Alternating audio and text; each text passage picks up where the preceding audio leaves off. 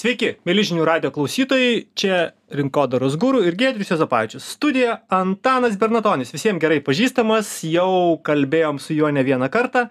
Antanas yra dirbtinio intelekto agentūros SWAI įkūrėjas ir naujienlaiškio Gen Z įkūrėjas. Rašytojas, turbūt taip reikėtų sakyti. Sveikas, An- sveikas, sveikas Antanai. Sveikas.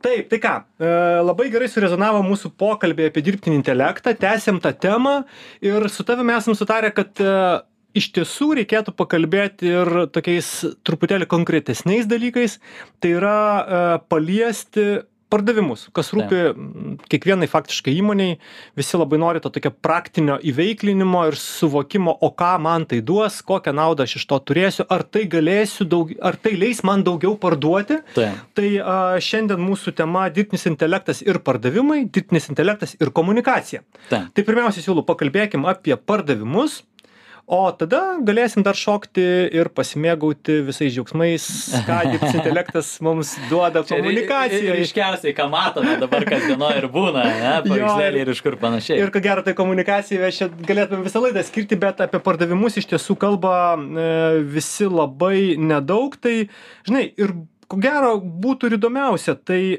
iš kur, per ką tas poveikis gali ateiti. Tai, tai vėlgi, pardavimai yra kompleksiškas e, procesas.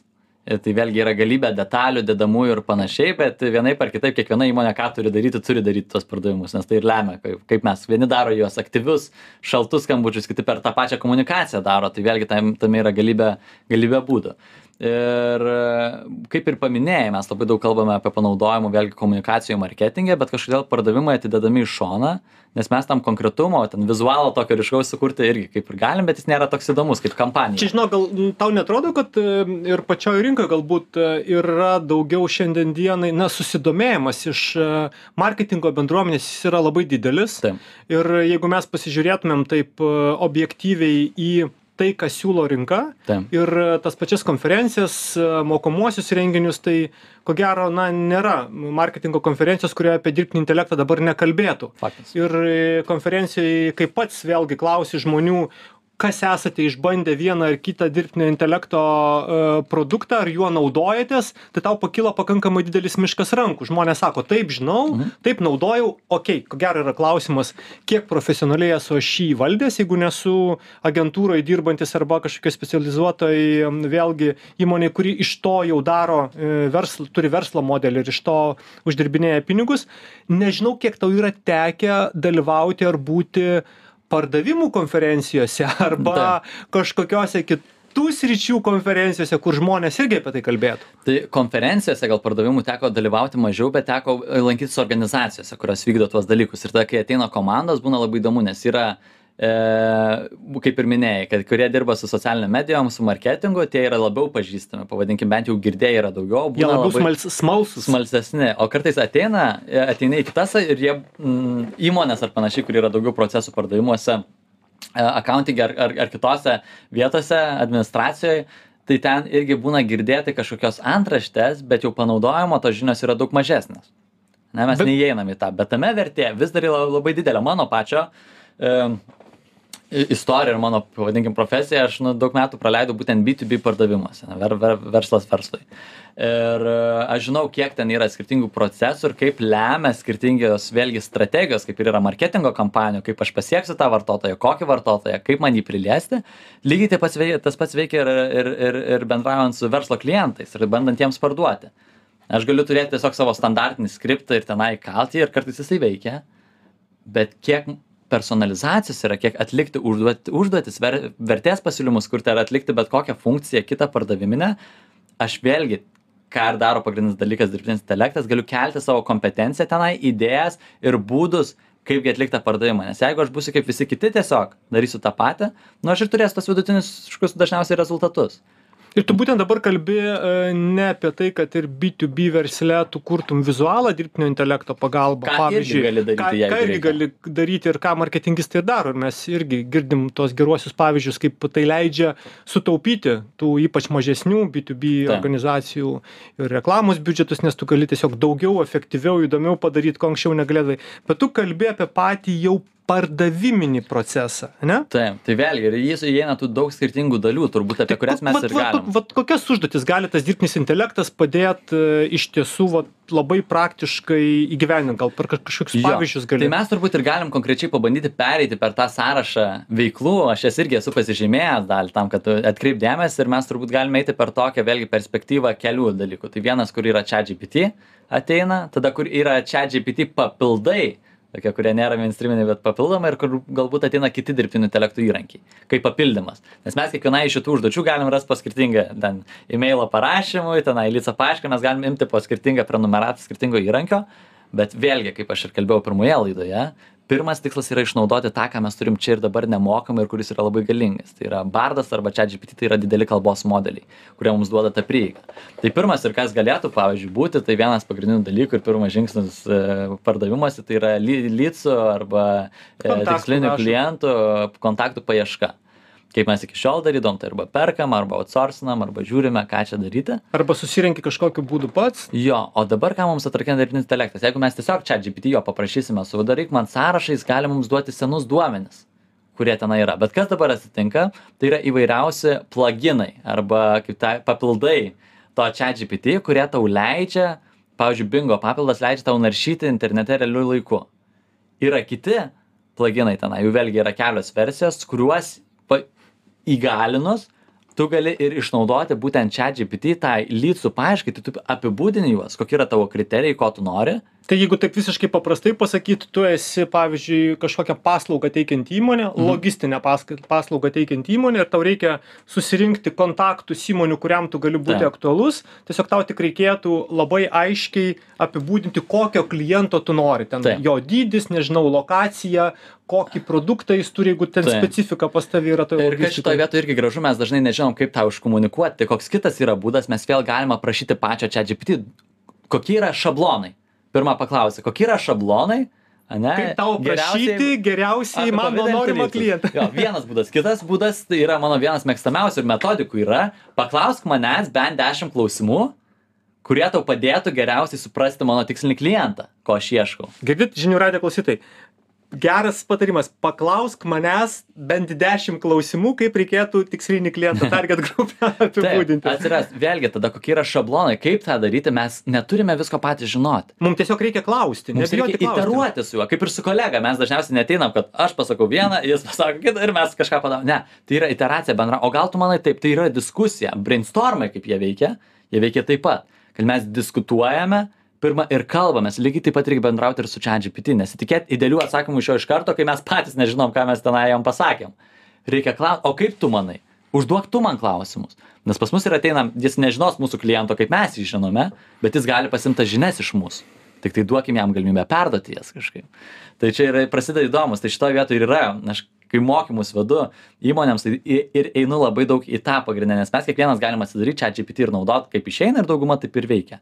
Kur ateina ta kompetencija, tai ir ateina suprantant, kokios yra užklausų formatavimo būdai ir kaip tą imti ir pritaikyti savo užduotise.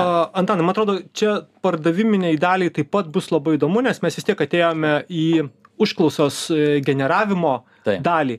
Tai, e, kaip sakai, e, mokau suformuoti užduotį. Būtent įvesti reikiamus žodžius arba įvesti jų kombinaciją.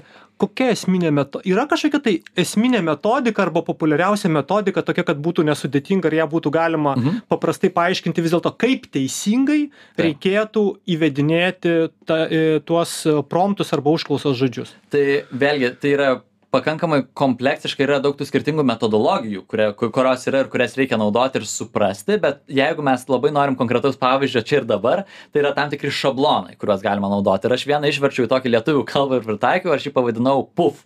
Puf. Metodiką. Puf, met, tai dabar Kad būtų- Antanas Bernatonis ir puf metodas.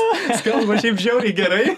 Gal reikia nelabai dažniausiai tai šablonais, tai reikia paprastai. Tai vėlgi, tenai daug kas ginčytis gali ir panašiai. Dėl jų viskas tvarkoja, labai faina, kai yra ginčas, nes iš to ir ateina geresni tie metodai. Ir jų yra daugybė, tikrai geresnių ir yra kompleksiški ilgi, su kuriais mes dirbame ir ten Bet reikia. mes puf, mes trumpą, mes aišku, puf, gerai, aišku. Ir PUF metodas, ką jisai sako, tai yra iš trijų dalių susideda. Tai pirmas, e, pirma metodologija, kas tai įeina, tai yra um, personažas. Ne, pirmoji vieta yra personažas. Ką tai reiškia? kad tie kalbos modeliai mes pirmą kartą jau aptarėm, kaip jie veikia, jie tiesiog nuspėja vieną žodį. Mes paduodam jiem krūvą duomenų kalbos, nu, bent jau dideli kalbos modeliai kaip veikia. Ir jie tiesiog bando nuspėti tikimybę vieno po kito žodžio. Ir mes, jeigu jiems duosim labai bendrinę užklausą, pavyzdžiui, paruoš man pardavimų strategiją arba atsulyt su paieška, tiesiog kažkokią tai industriją, jis tą ir padarys. Bet jeigu mes jam duosime rolę, dirbtinis intelektas labai gerai geba įsijausti į personažą. Ir tai, kaip aš, pavyzdžiui, padaryčiau kažkokią pardaviminę strategiją ir Elonas Maskas koks padarytų, labai skirtus. Ką aš galiu daryti, aš galiu dirbtiniam intelektui, kaip čia GPT ar, e, teisingiau sakant, didelėms kalbos modeliams, duoti rolę. Ir sakyt, kad žiūrėk, padaryk man šitą pardaviminę strategiją pagal tam tikrą metodiką, ne kurią mes jau išsiaiškinom, taip kaip ją galbūt padarytų Steve'as Jobsas arba Alex Hormozė. Bet čia turėtų žinomas personažas, kad dirbtinis intelektas suprastų. Tai galėtų būti personažas kaip žmogus arba tai gali būti profesija. Galim, Okay, galime kaip profesija sakyti, įsivaizduok, kad esi geriausias pardavėjas pasaulio istorijoje. Buvo. pavyzdžiui, dar netgi Ir- specifiką gali. Ir jeigu mes daug, kuo daugiau duodam specifikos, kuris turi 20 metų patirties, kuris orientuojasi į šitą rinką ir išmano viską ten iki detalių, kuris fokusuojasi į empatišką kalbą, kuris atneša rezultatus, kuo mes labiau įsiplėsim, tuo mes auginsime statistinę tikimybę teisingo atsakymo mums ir to rezultato mums.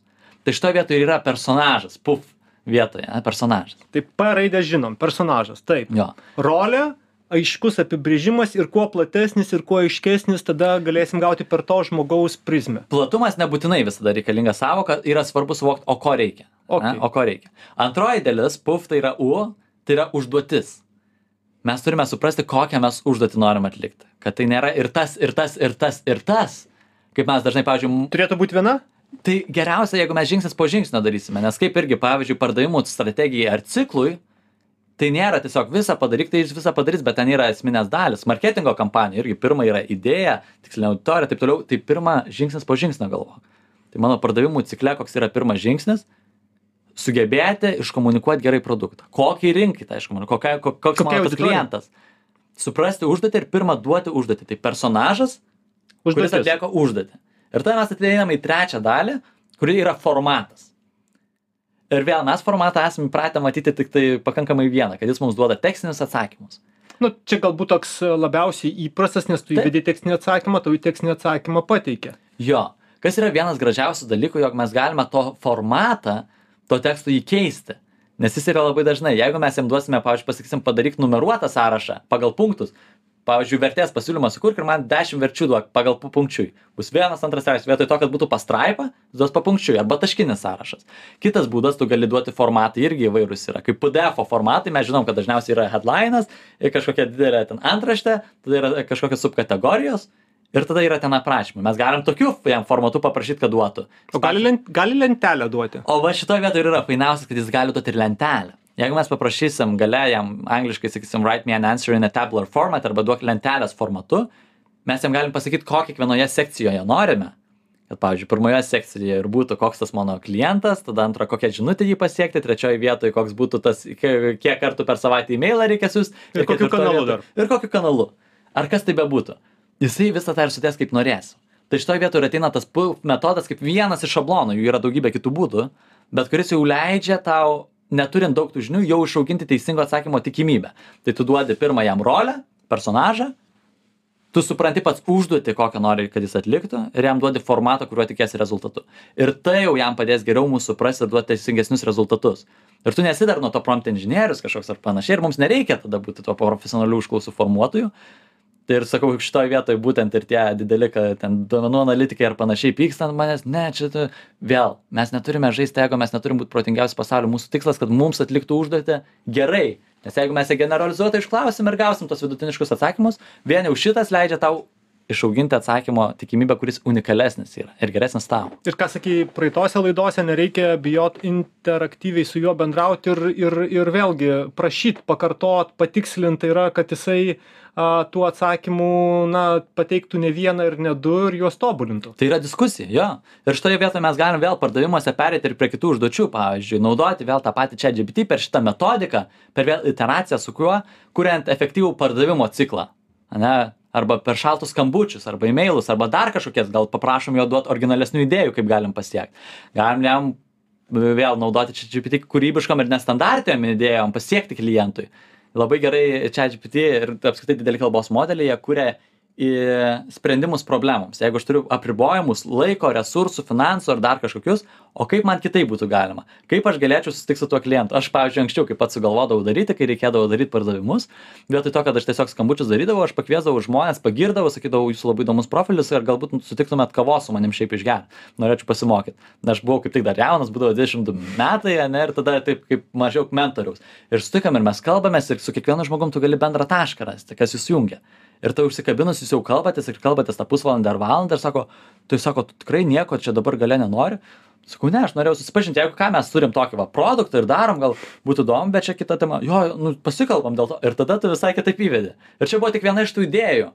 Kiek daug tų idėjų mums jis gali pasiūlyti, kaip kitaip prie to kliento prieiti. Čia esmė, kad tu paklaustum. Tiesiog. Taip. Tada, o Jo, o, ten, o, jo, jo, o klausyk, o tas praktinė tokia nauda iš šito modelio gali būti, nes e, realiai e, paruošti prezentaciją, padaryti kažkokią ataskaitą, pardaviminę, nežinau, kad nebereikėtų vargti to techninio darbo daryti, kas vėlgi e, šitame cikle visada būna. Vienas turbūt labai svarbus dalykas, kuris, kurį mes turime suvokti, kad mes neturime turėti lūkesčio, kad dirbtinis intelektas padarys darbą už mus. Mes turime galvoti, kokią mes dalį jo atsakymų galim pasimti nes labai dažnai žmogus pabando padaryk man visą pardavimų strategiją ir su ataskaita su strategijos ane? ir tikis kad bus nuo a iki z padaryta jam. Ne ir žmogus taip nepadaro tu turi pasiimti arba žingsnis po žingsnio kurt tada bus jo klaidų. Dirbtinis intelektas daro labai daug klaidų. Ir būtent jeigu mes pasiimsim šešiasdešim procentų rezultatų ir mums tada tiktai pagerint reiks mes jau sutaupom ir daug laiko ir gaunam daug idėjų kaip tą padaryt geriau. Bet su tom funkcinėm tam tikrom užduotim tikrai jis mum gali padėt. Svarbu nesitikėt idealaus rezultato Mm. ką galiu pasiimt. Ir tada šitoj vietoj ir pliuso versija ateina net ir toms dalykams vizualizacijoms prezentacijoms tai yra atskiri įrankiai su kuo galima tą kurti. Bet yra kaip pavyzdžiui um, code interpreter arba dabar pervadino ir vadina uh, advanced data analytics chatgpt arba taip pažengęs duomenų analitikas kur tu gali jam duoti savo skirtingus duomenis. Pavyzdžiui excelį pdefą ir tada prašyt kad sulygintų kažkokias kainas tenai arba kad darytų analitiką arba tau kad darytų Bet tada projekcijas tu kalbi apie d- šitą vietą apie ChatGPT tą nemokamą versiją, ar tai jau Čia jau- dėlto čia jau čia, čia yra mokama. mokama Šita versija? būtent funkcija jau yra mokamoje versijoje.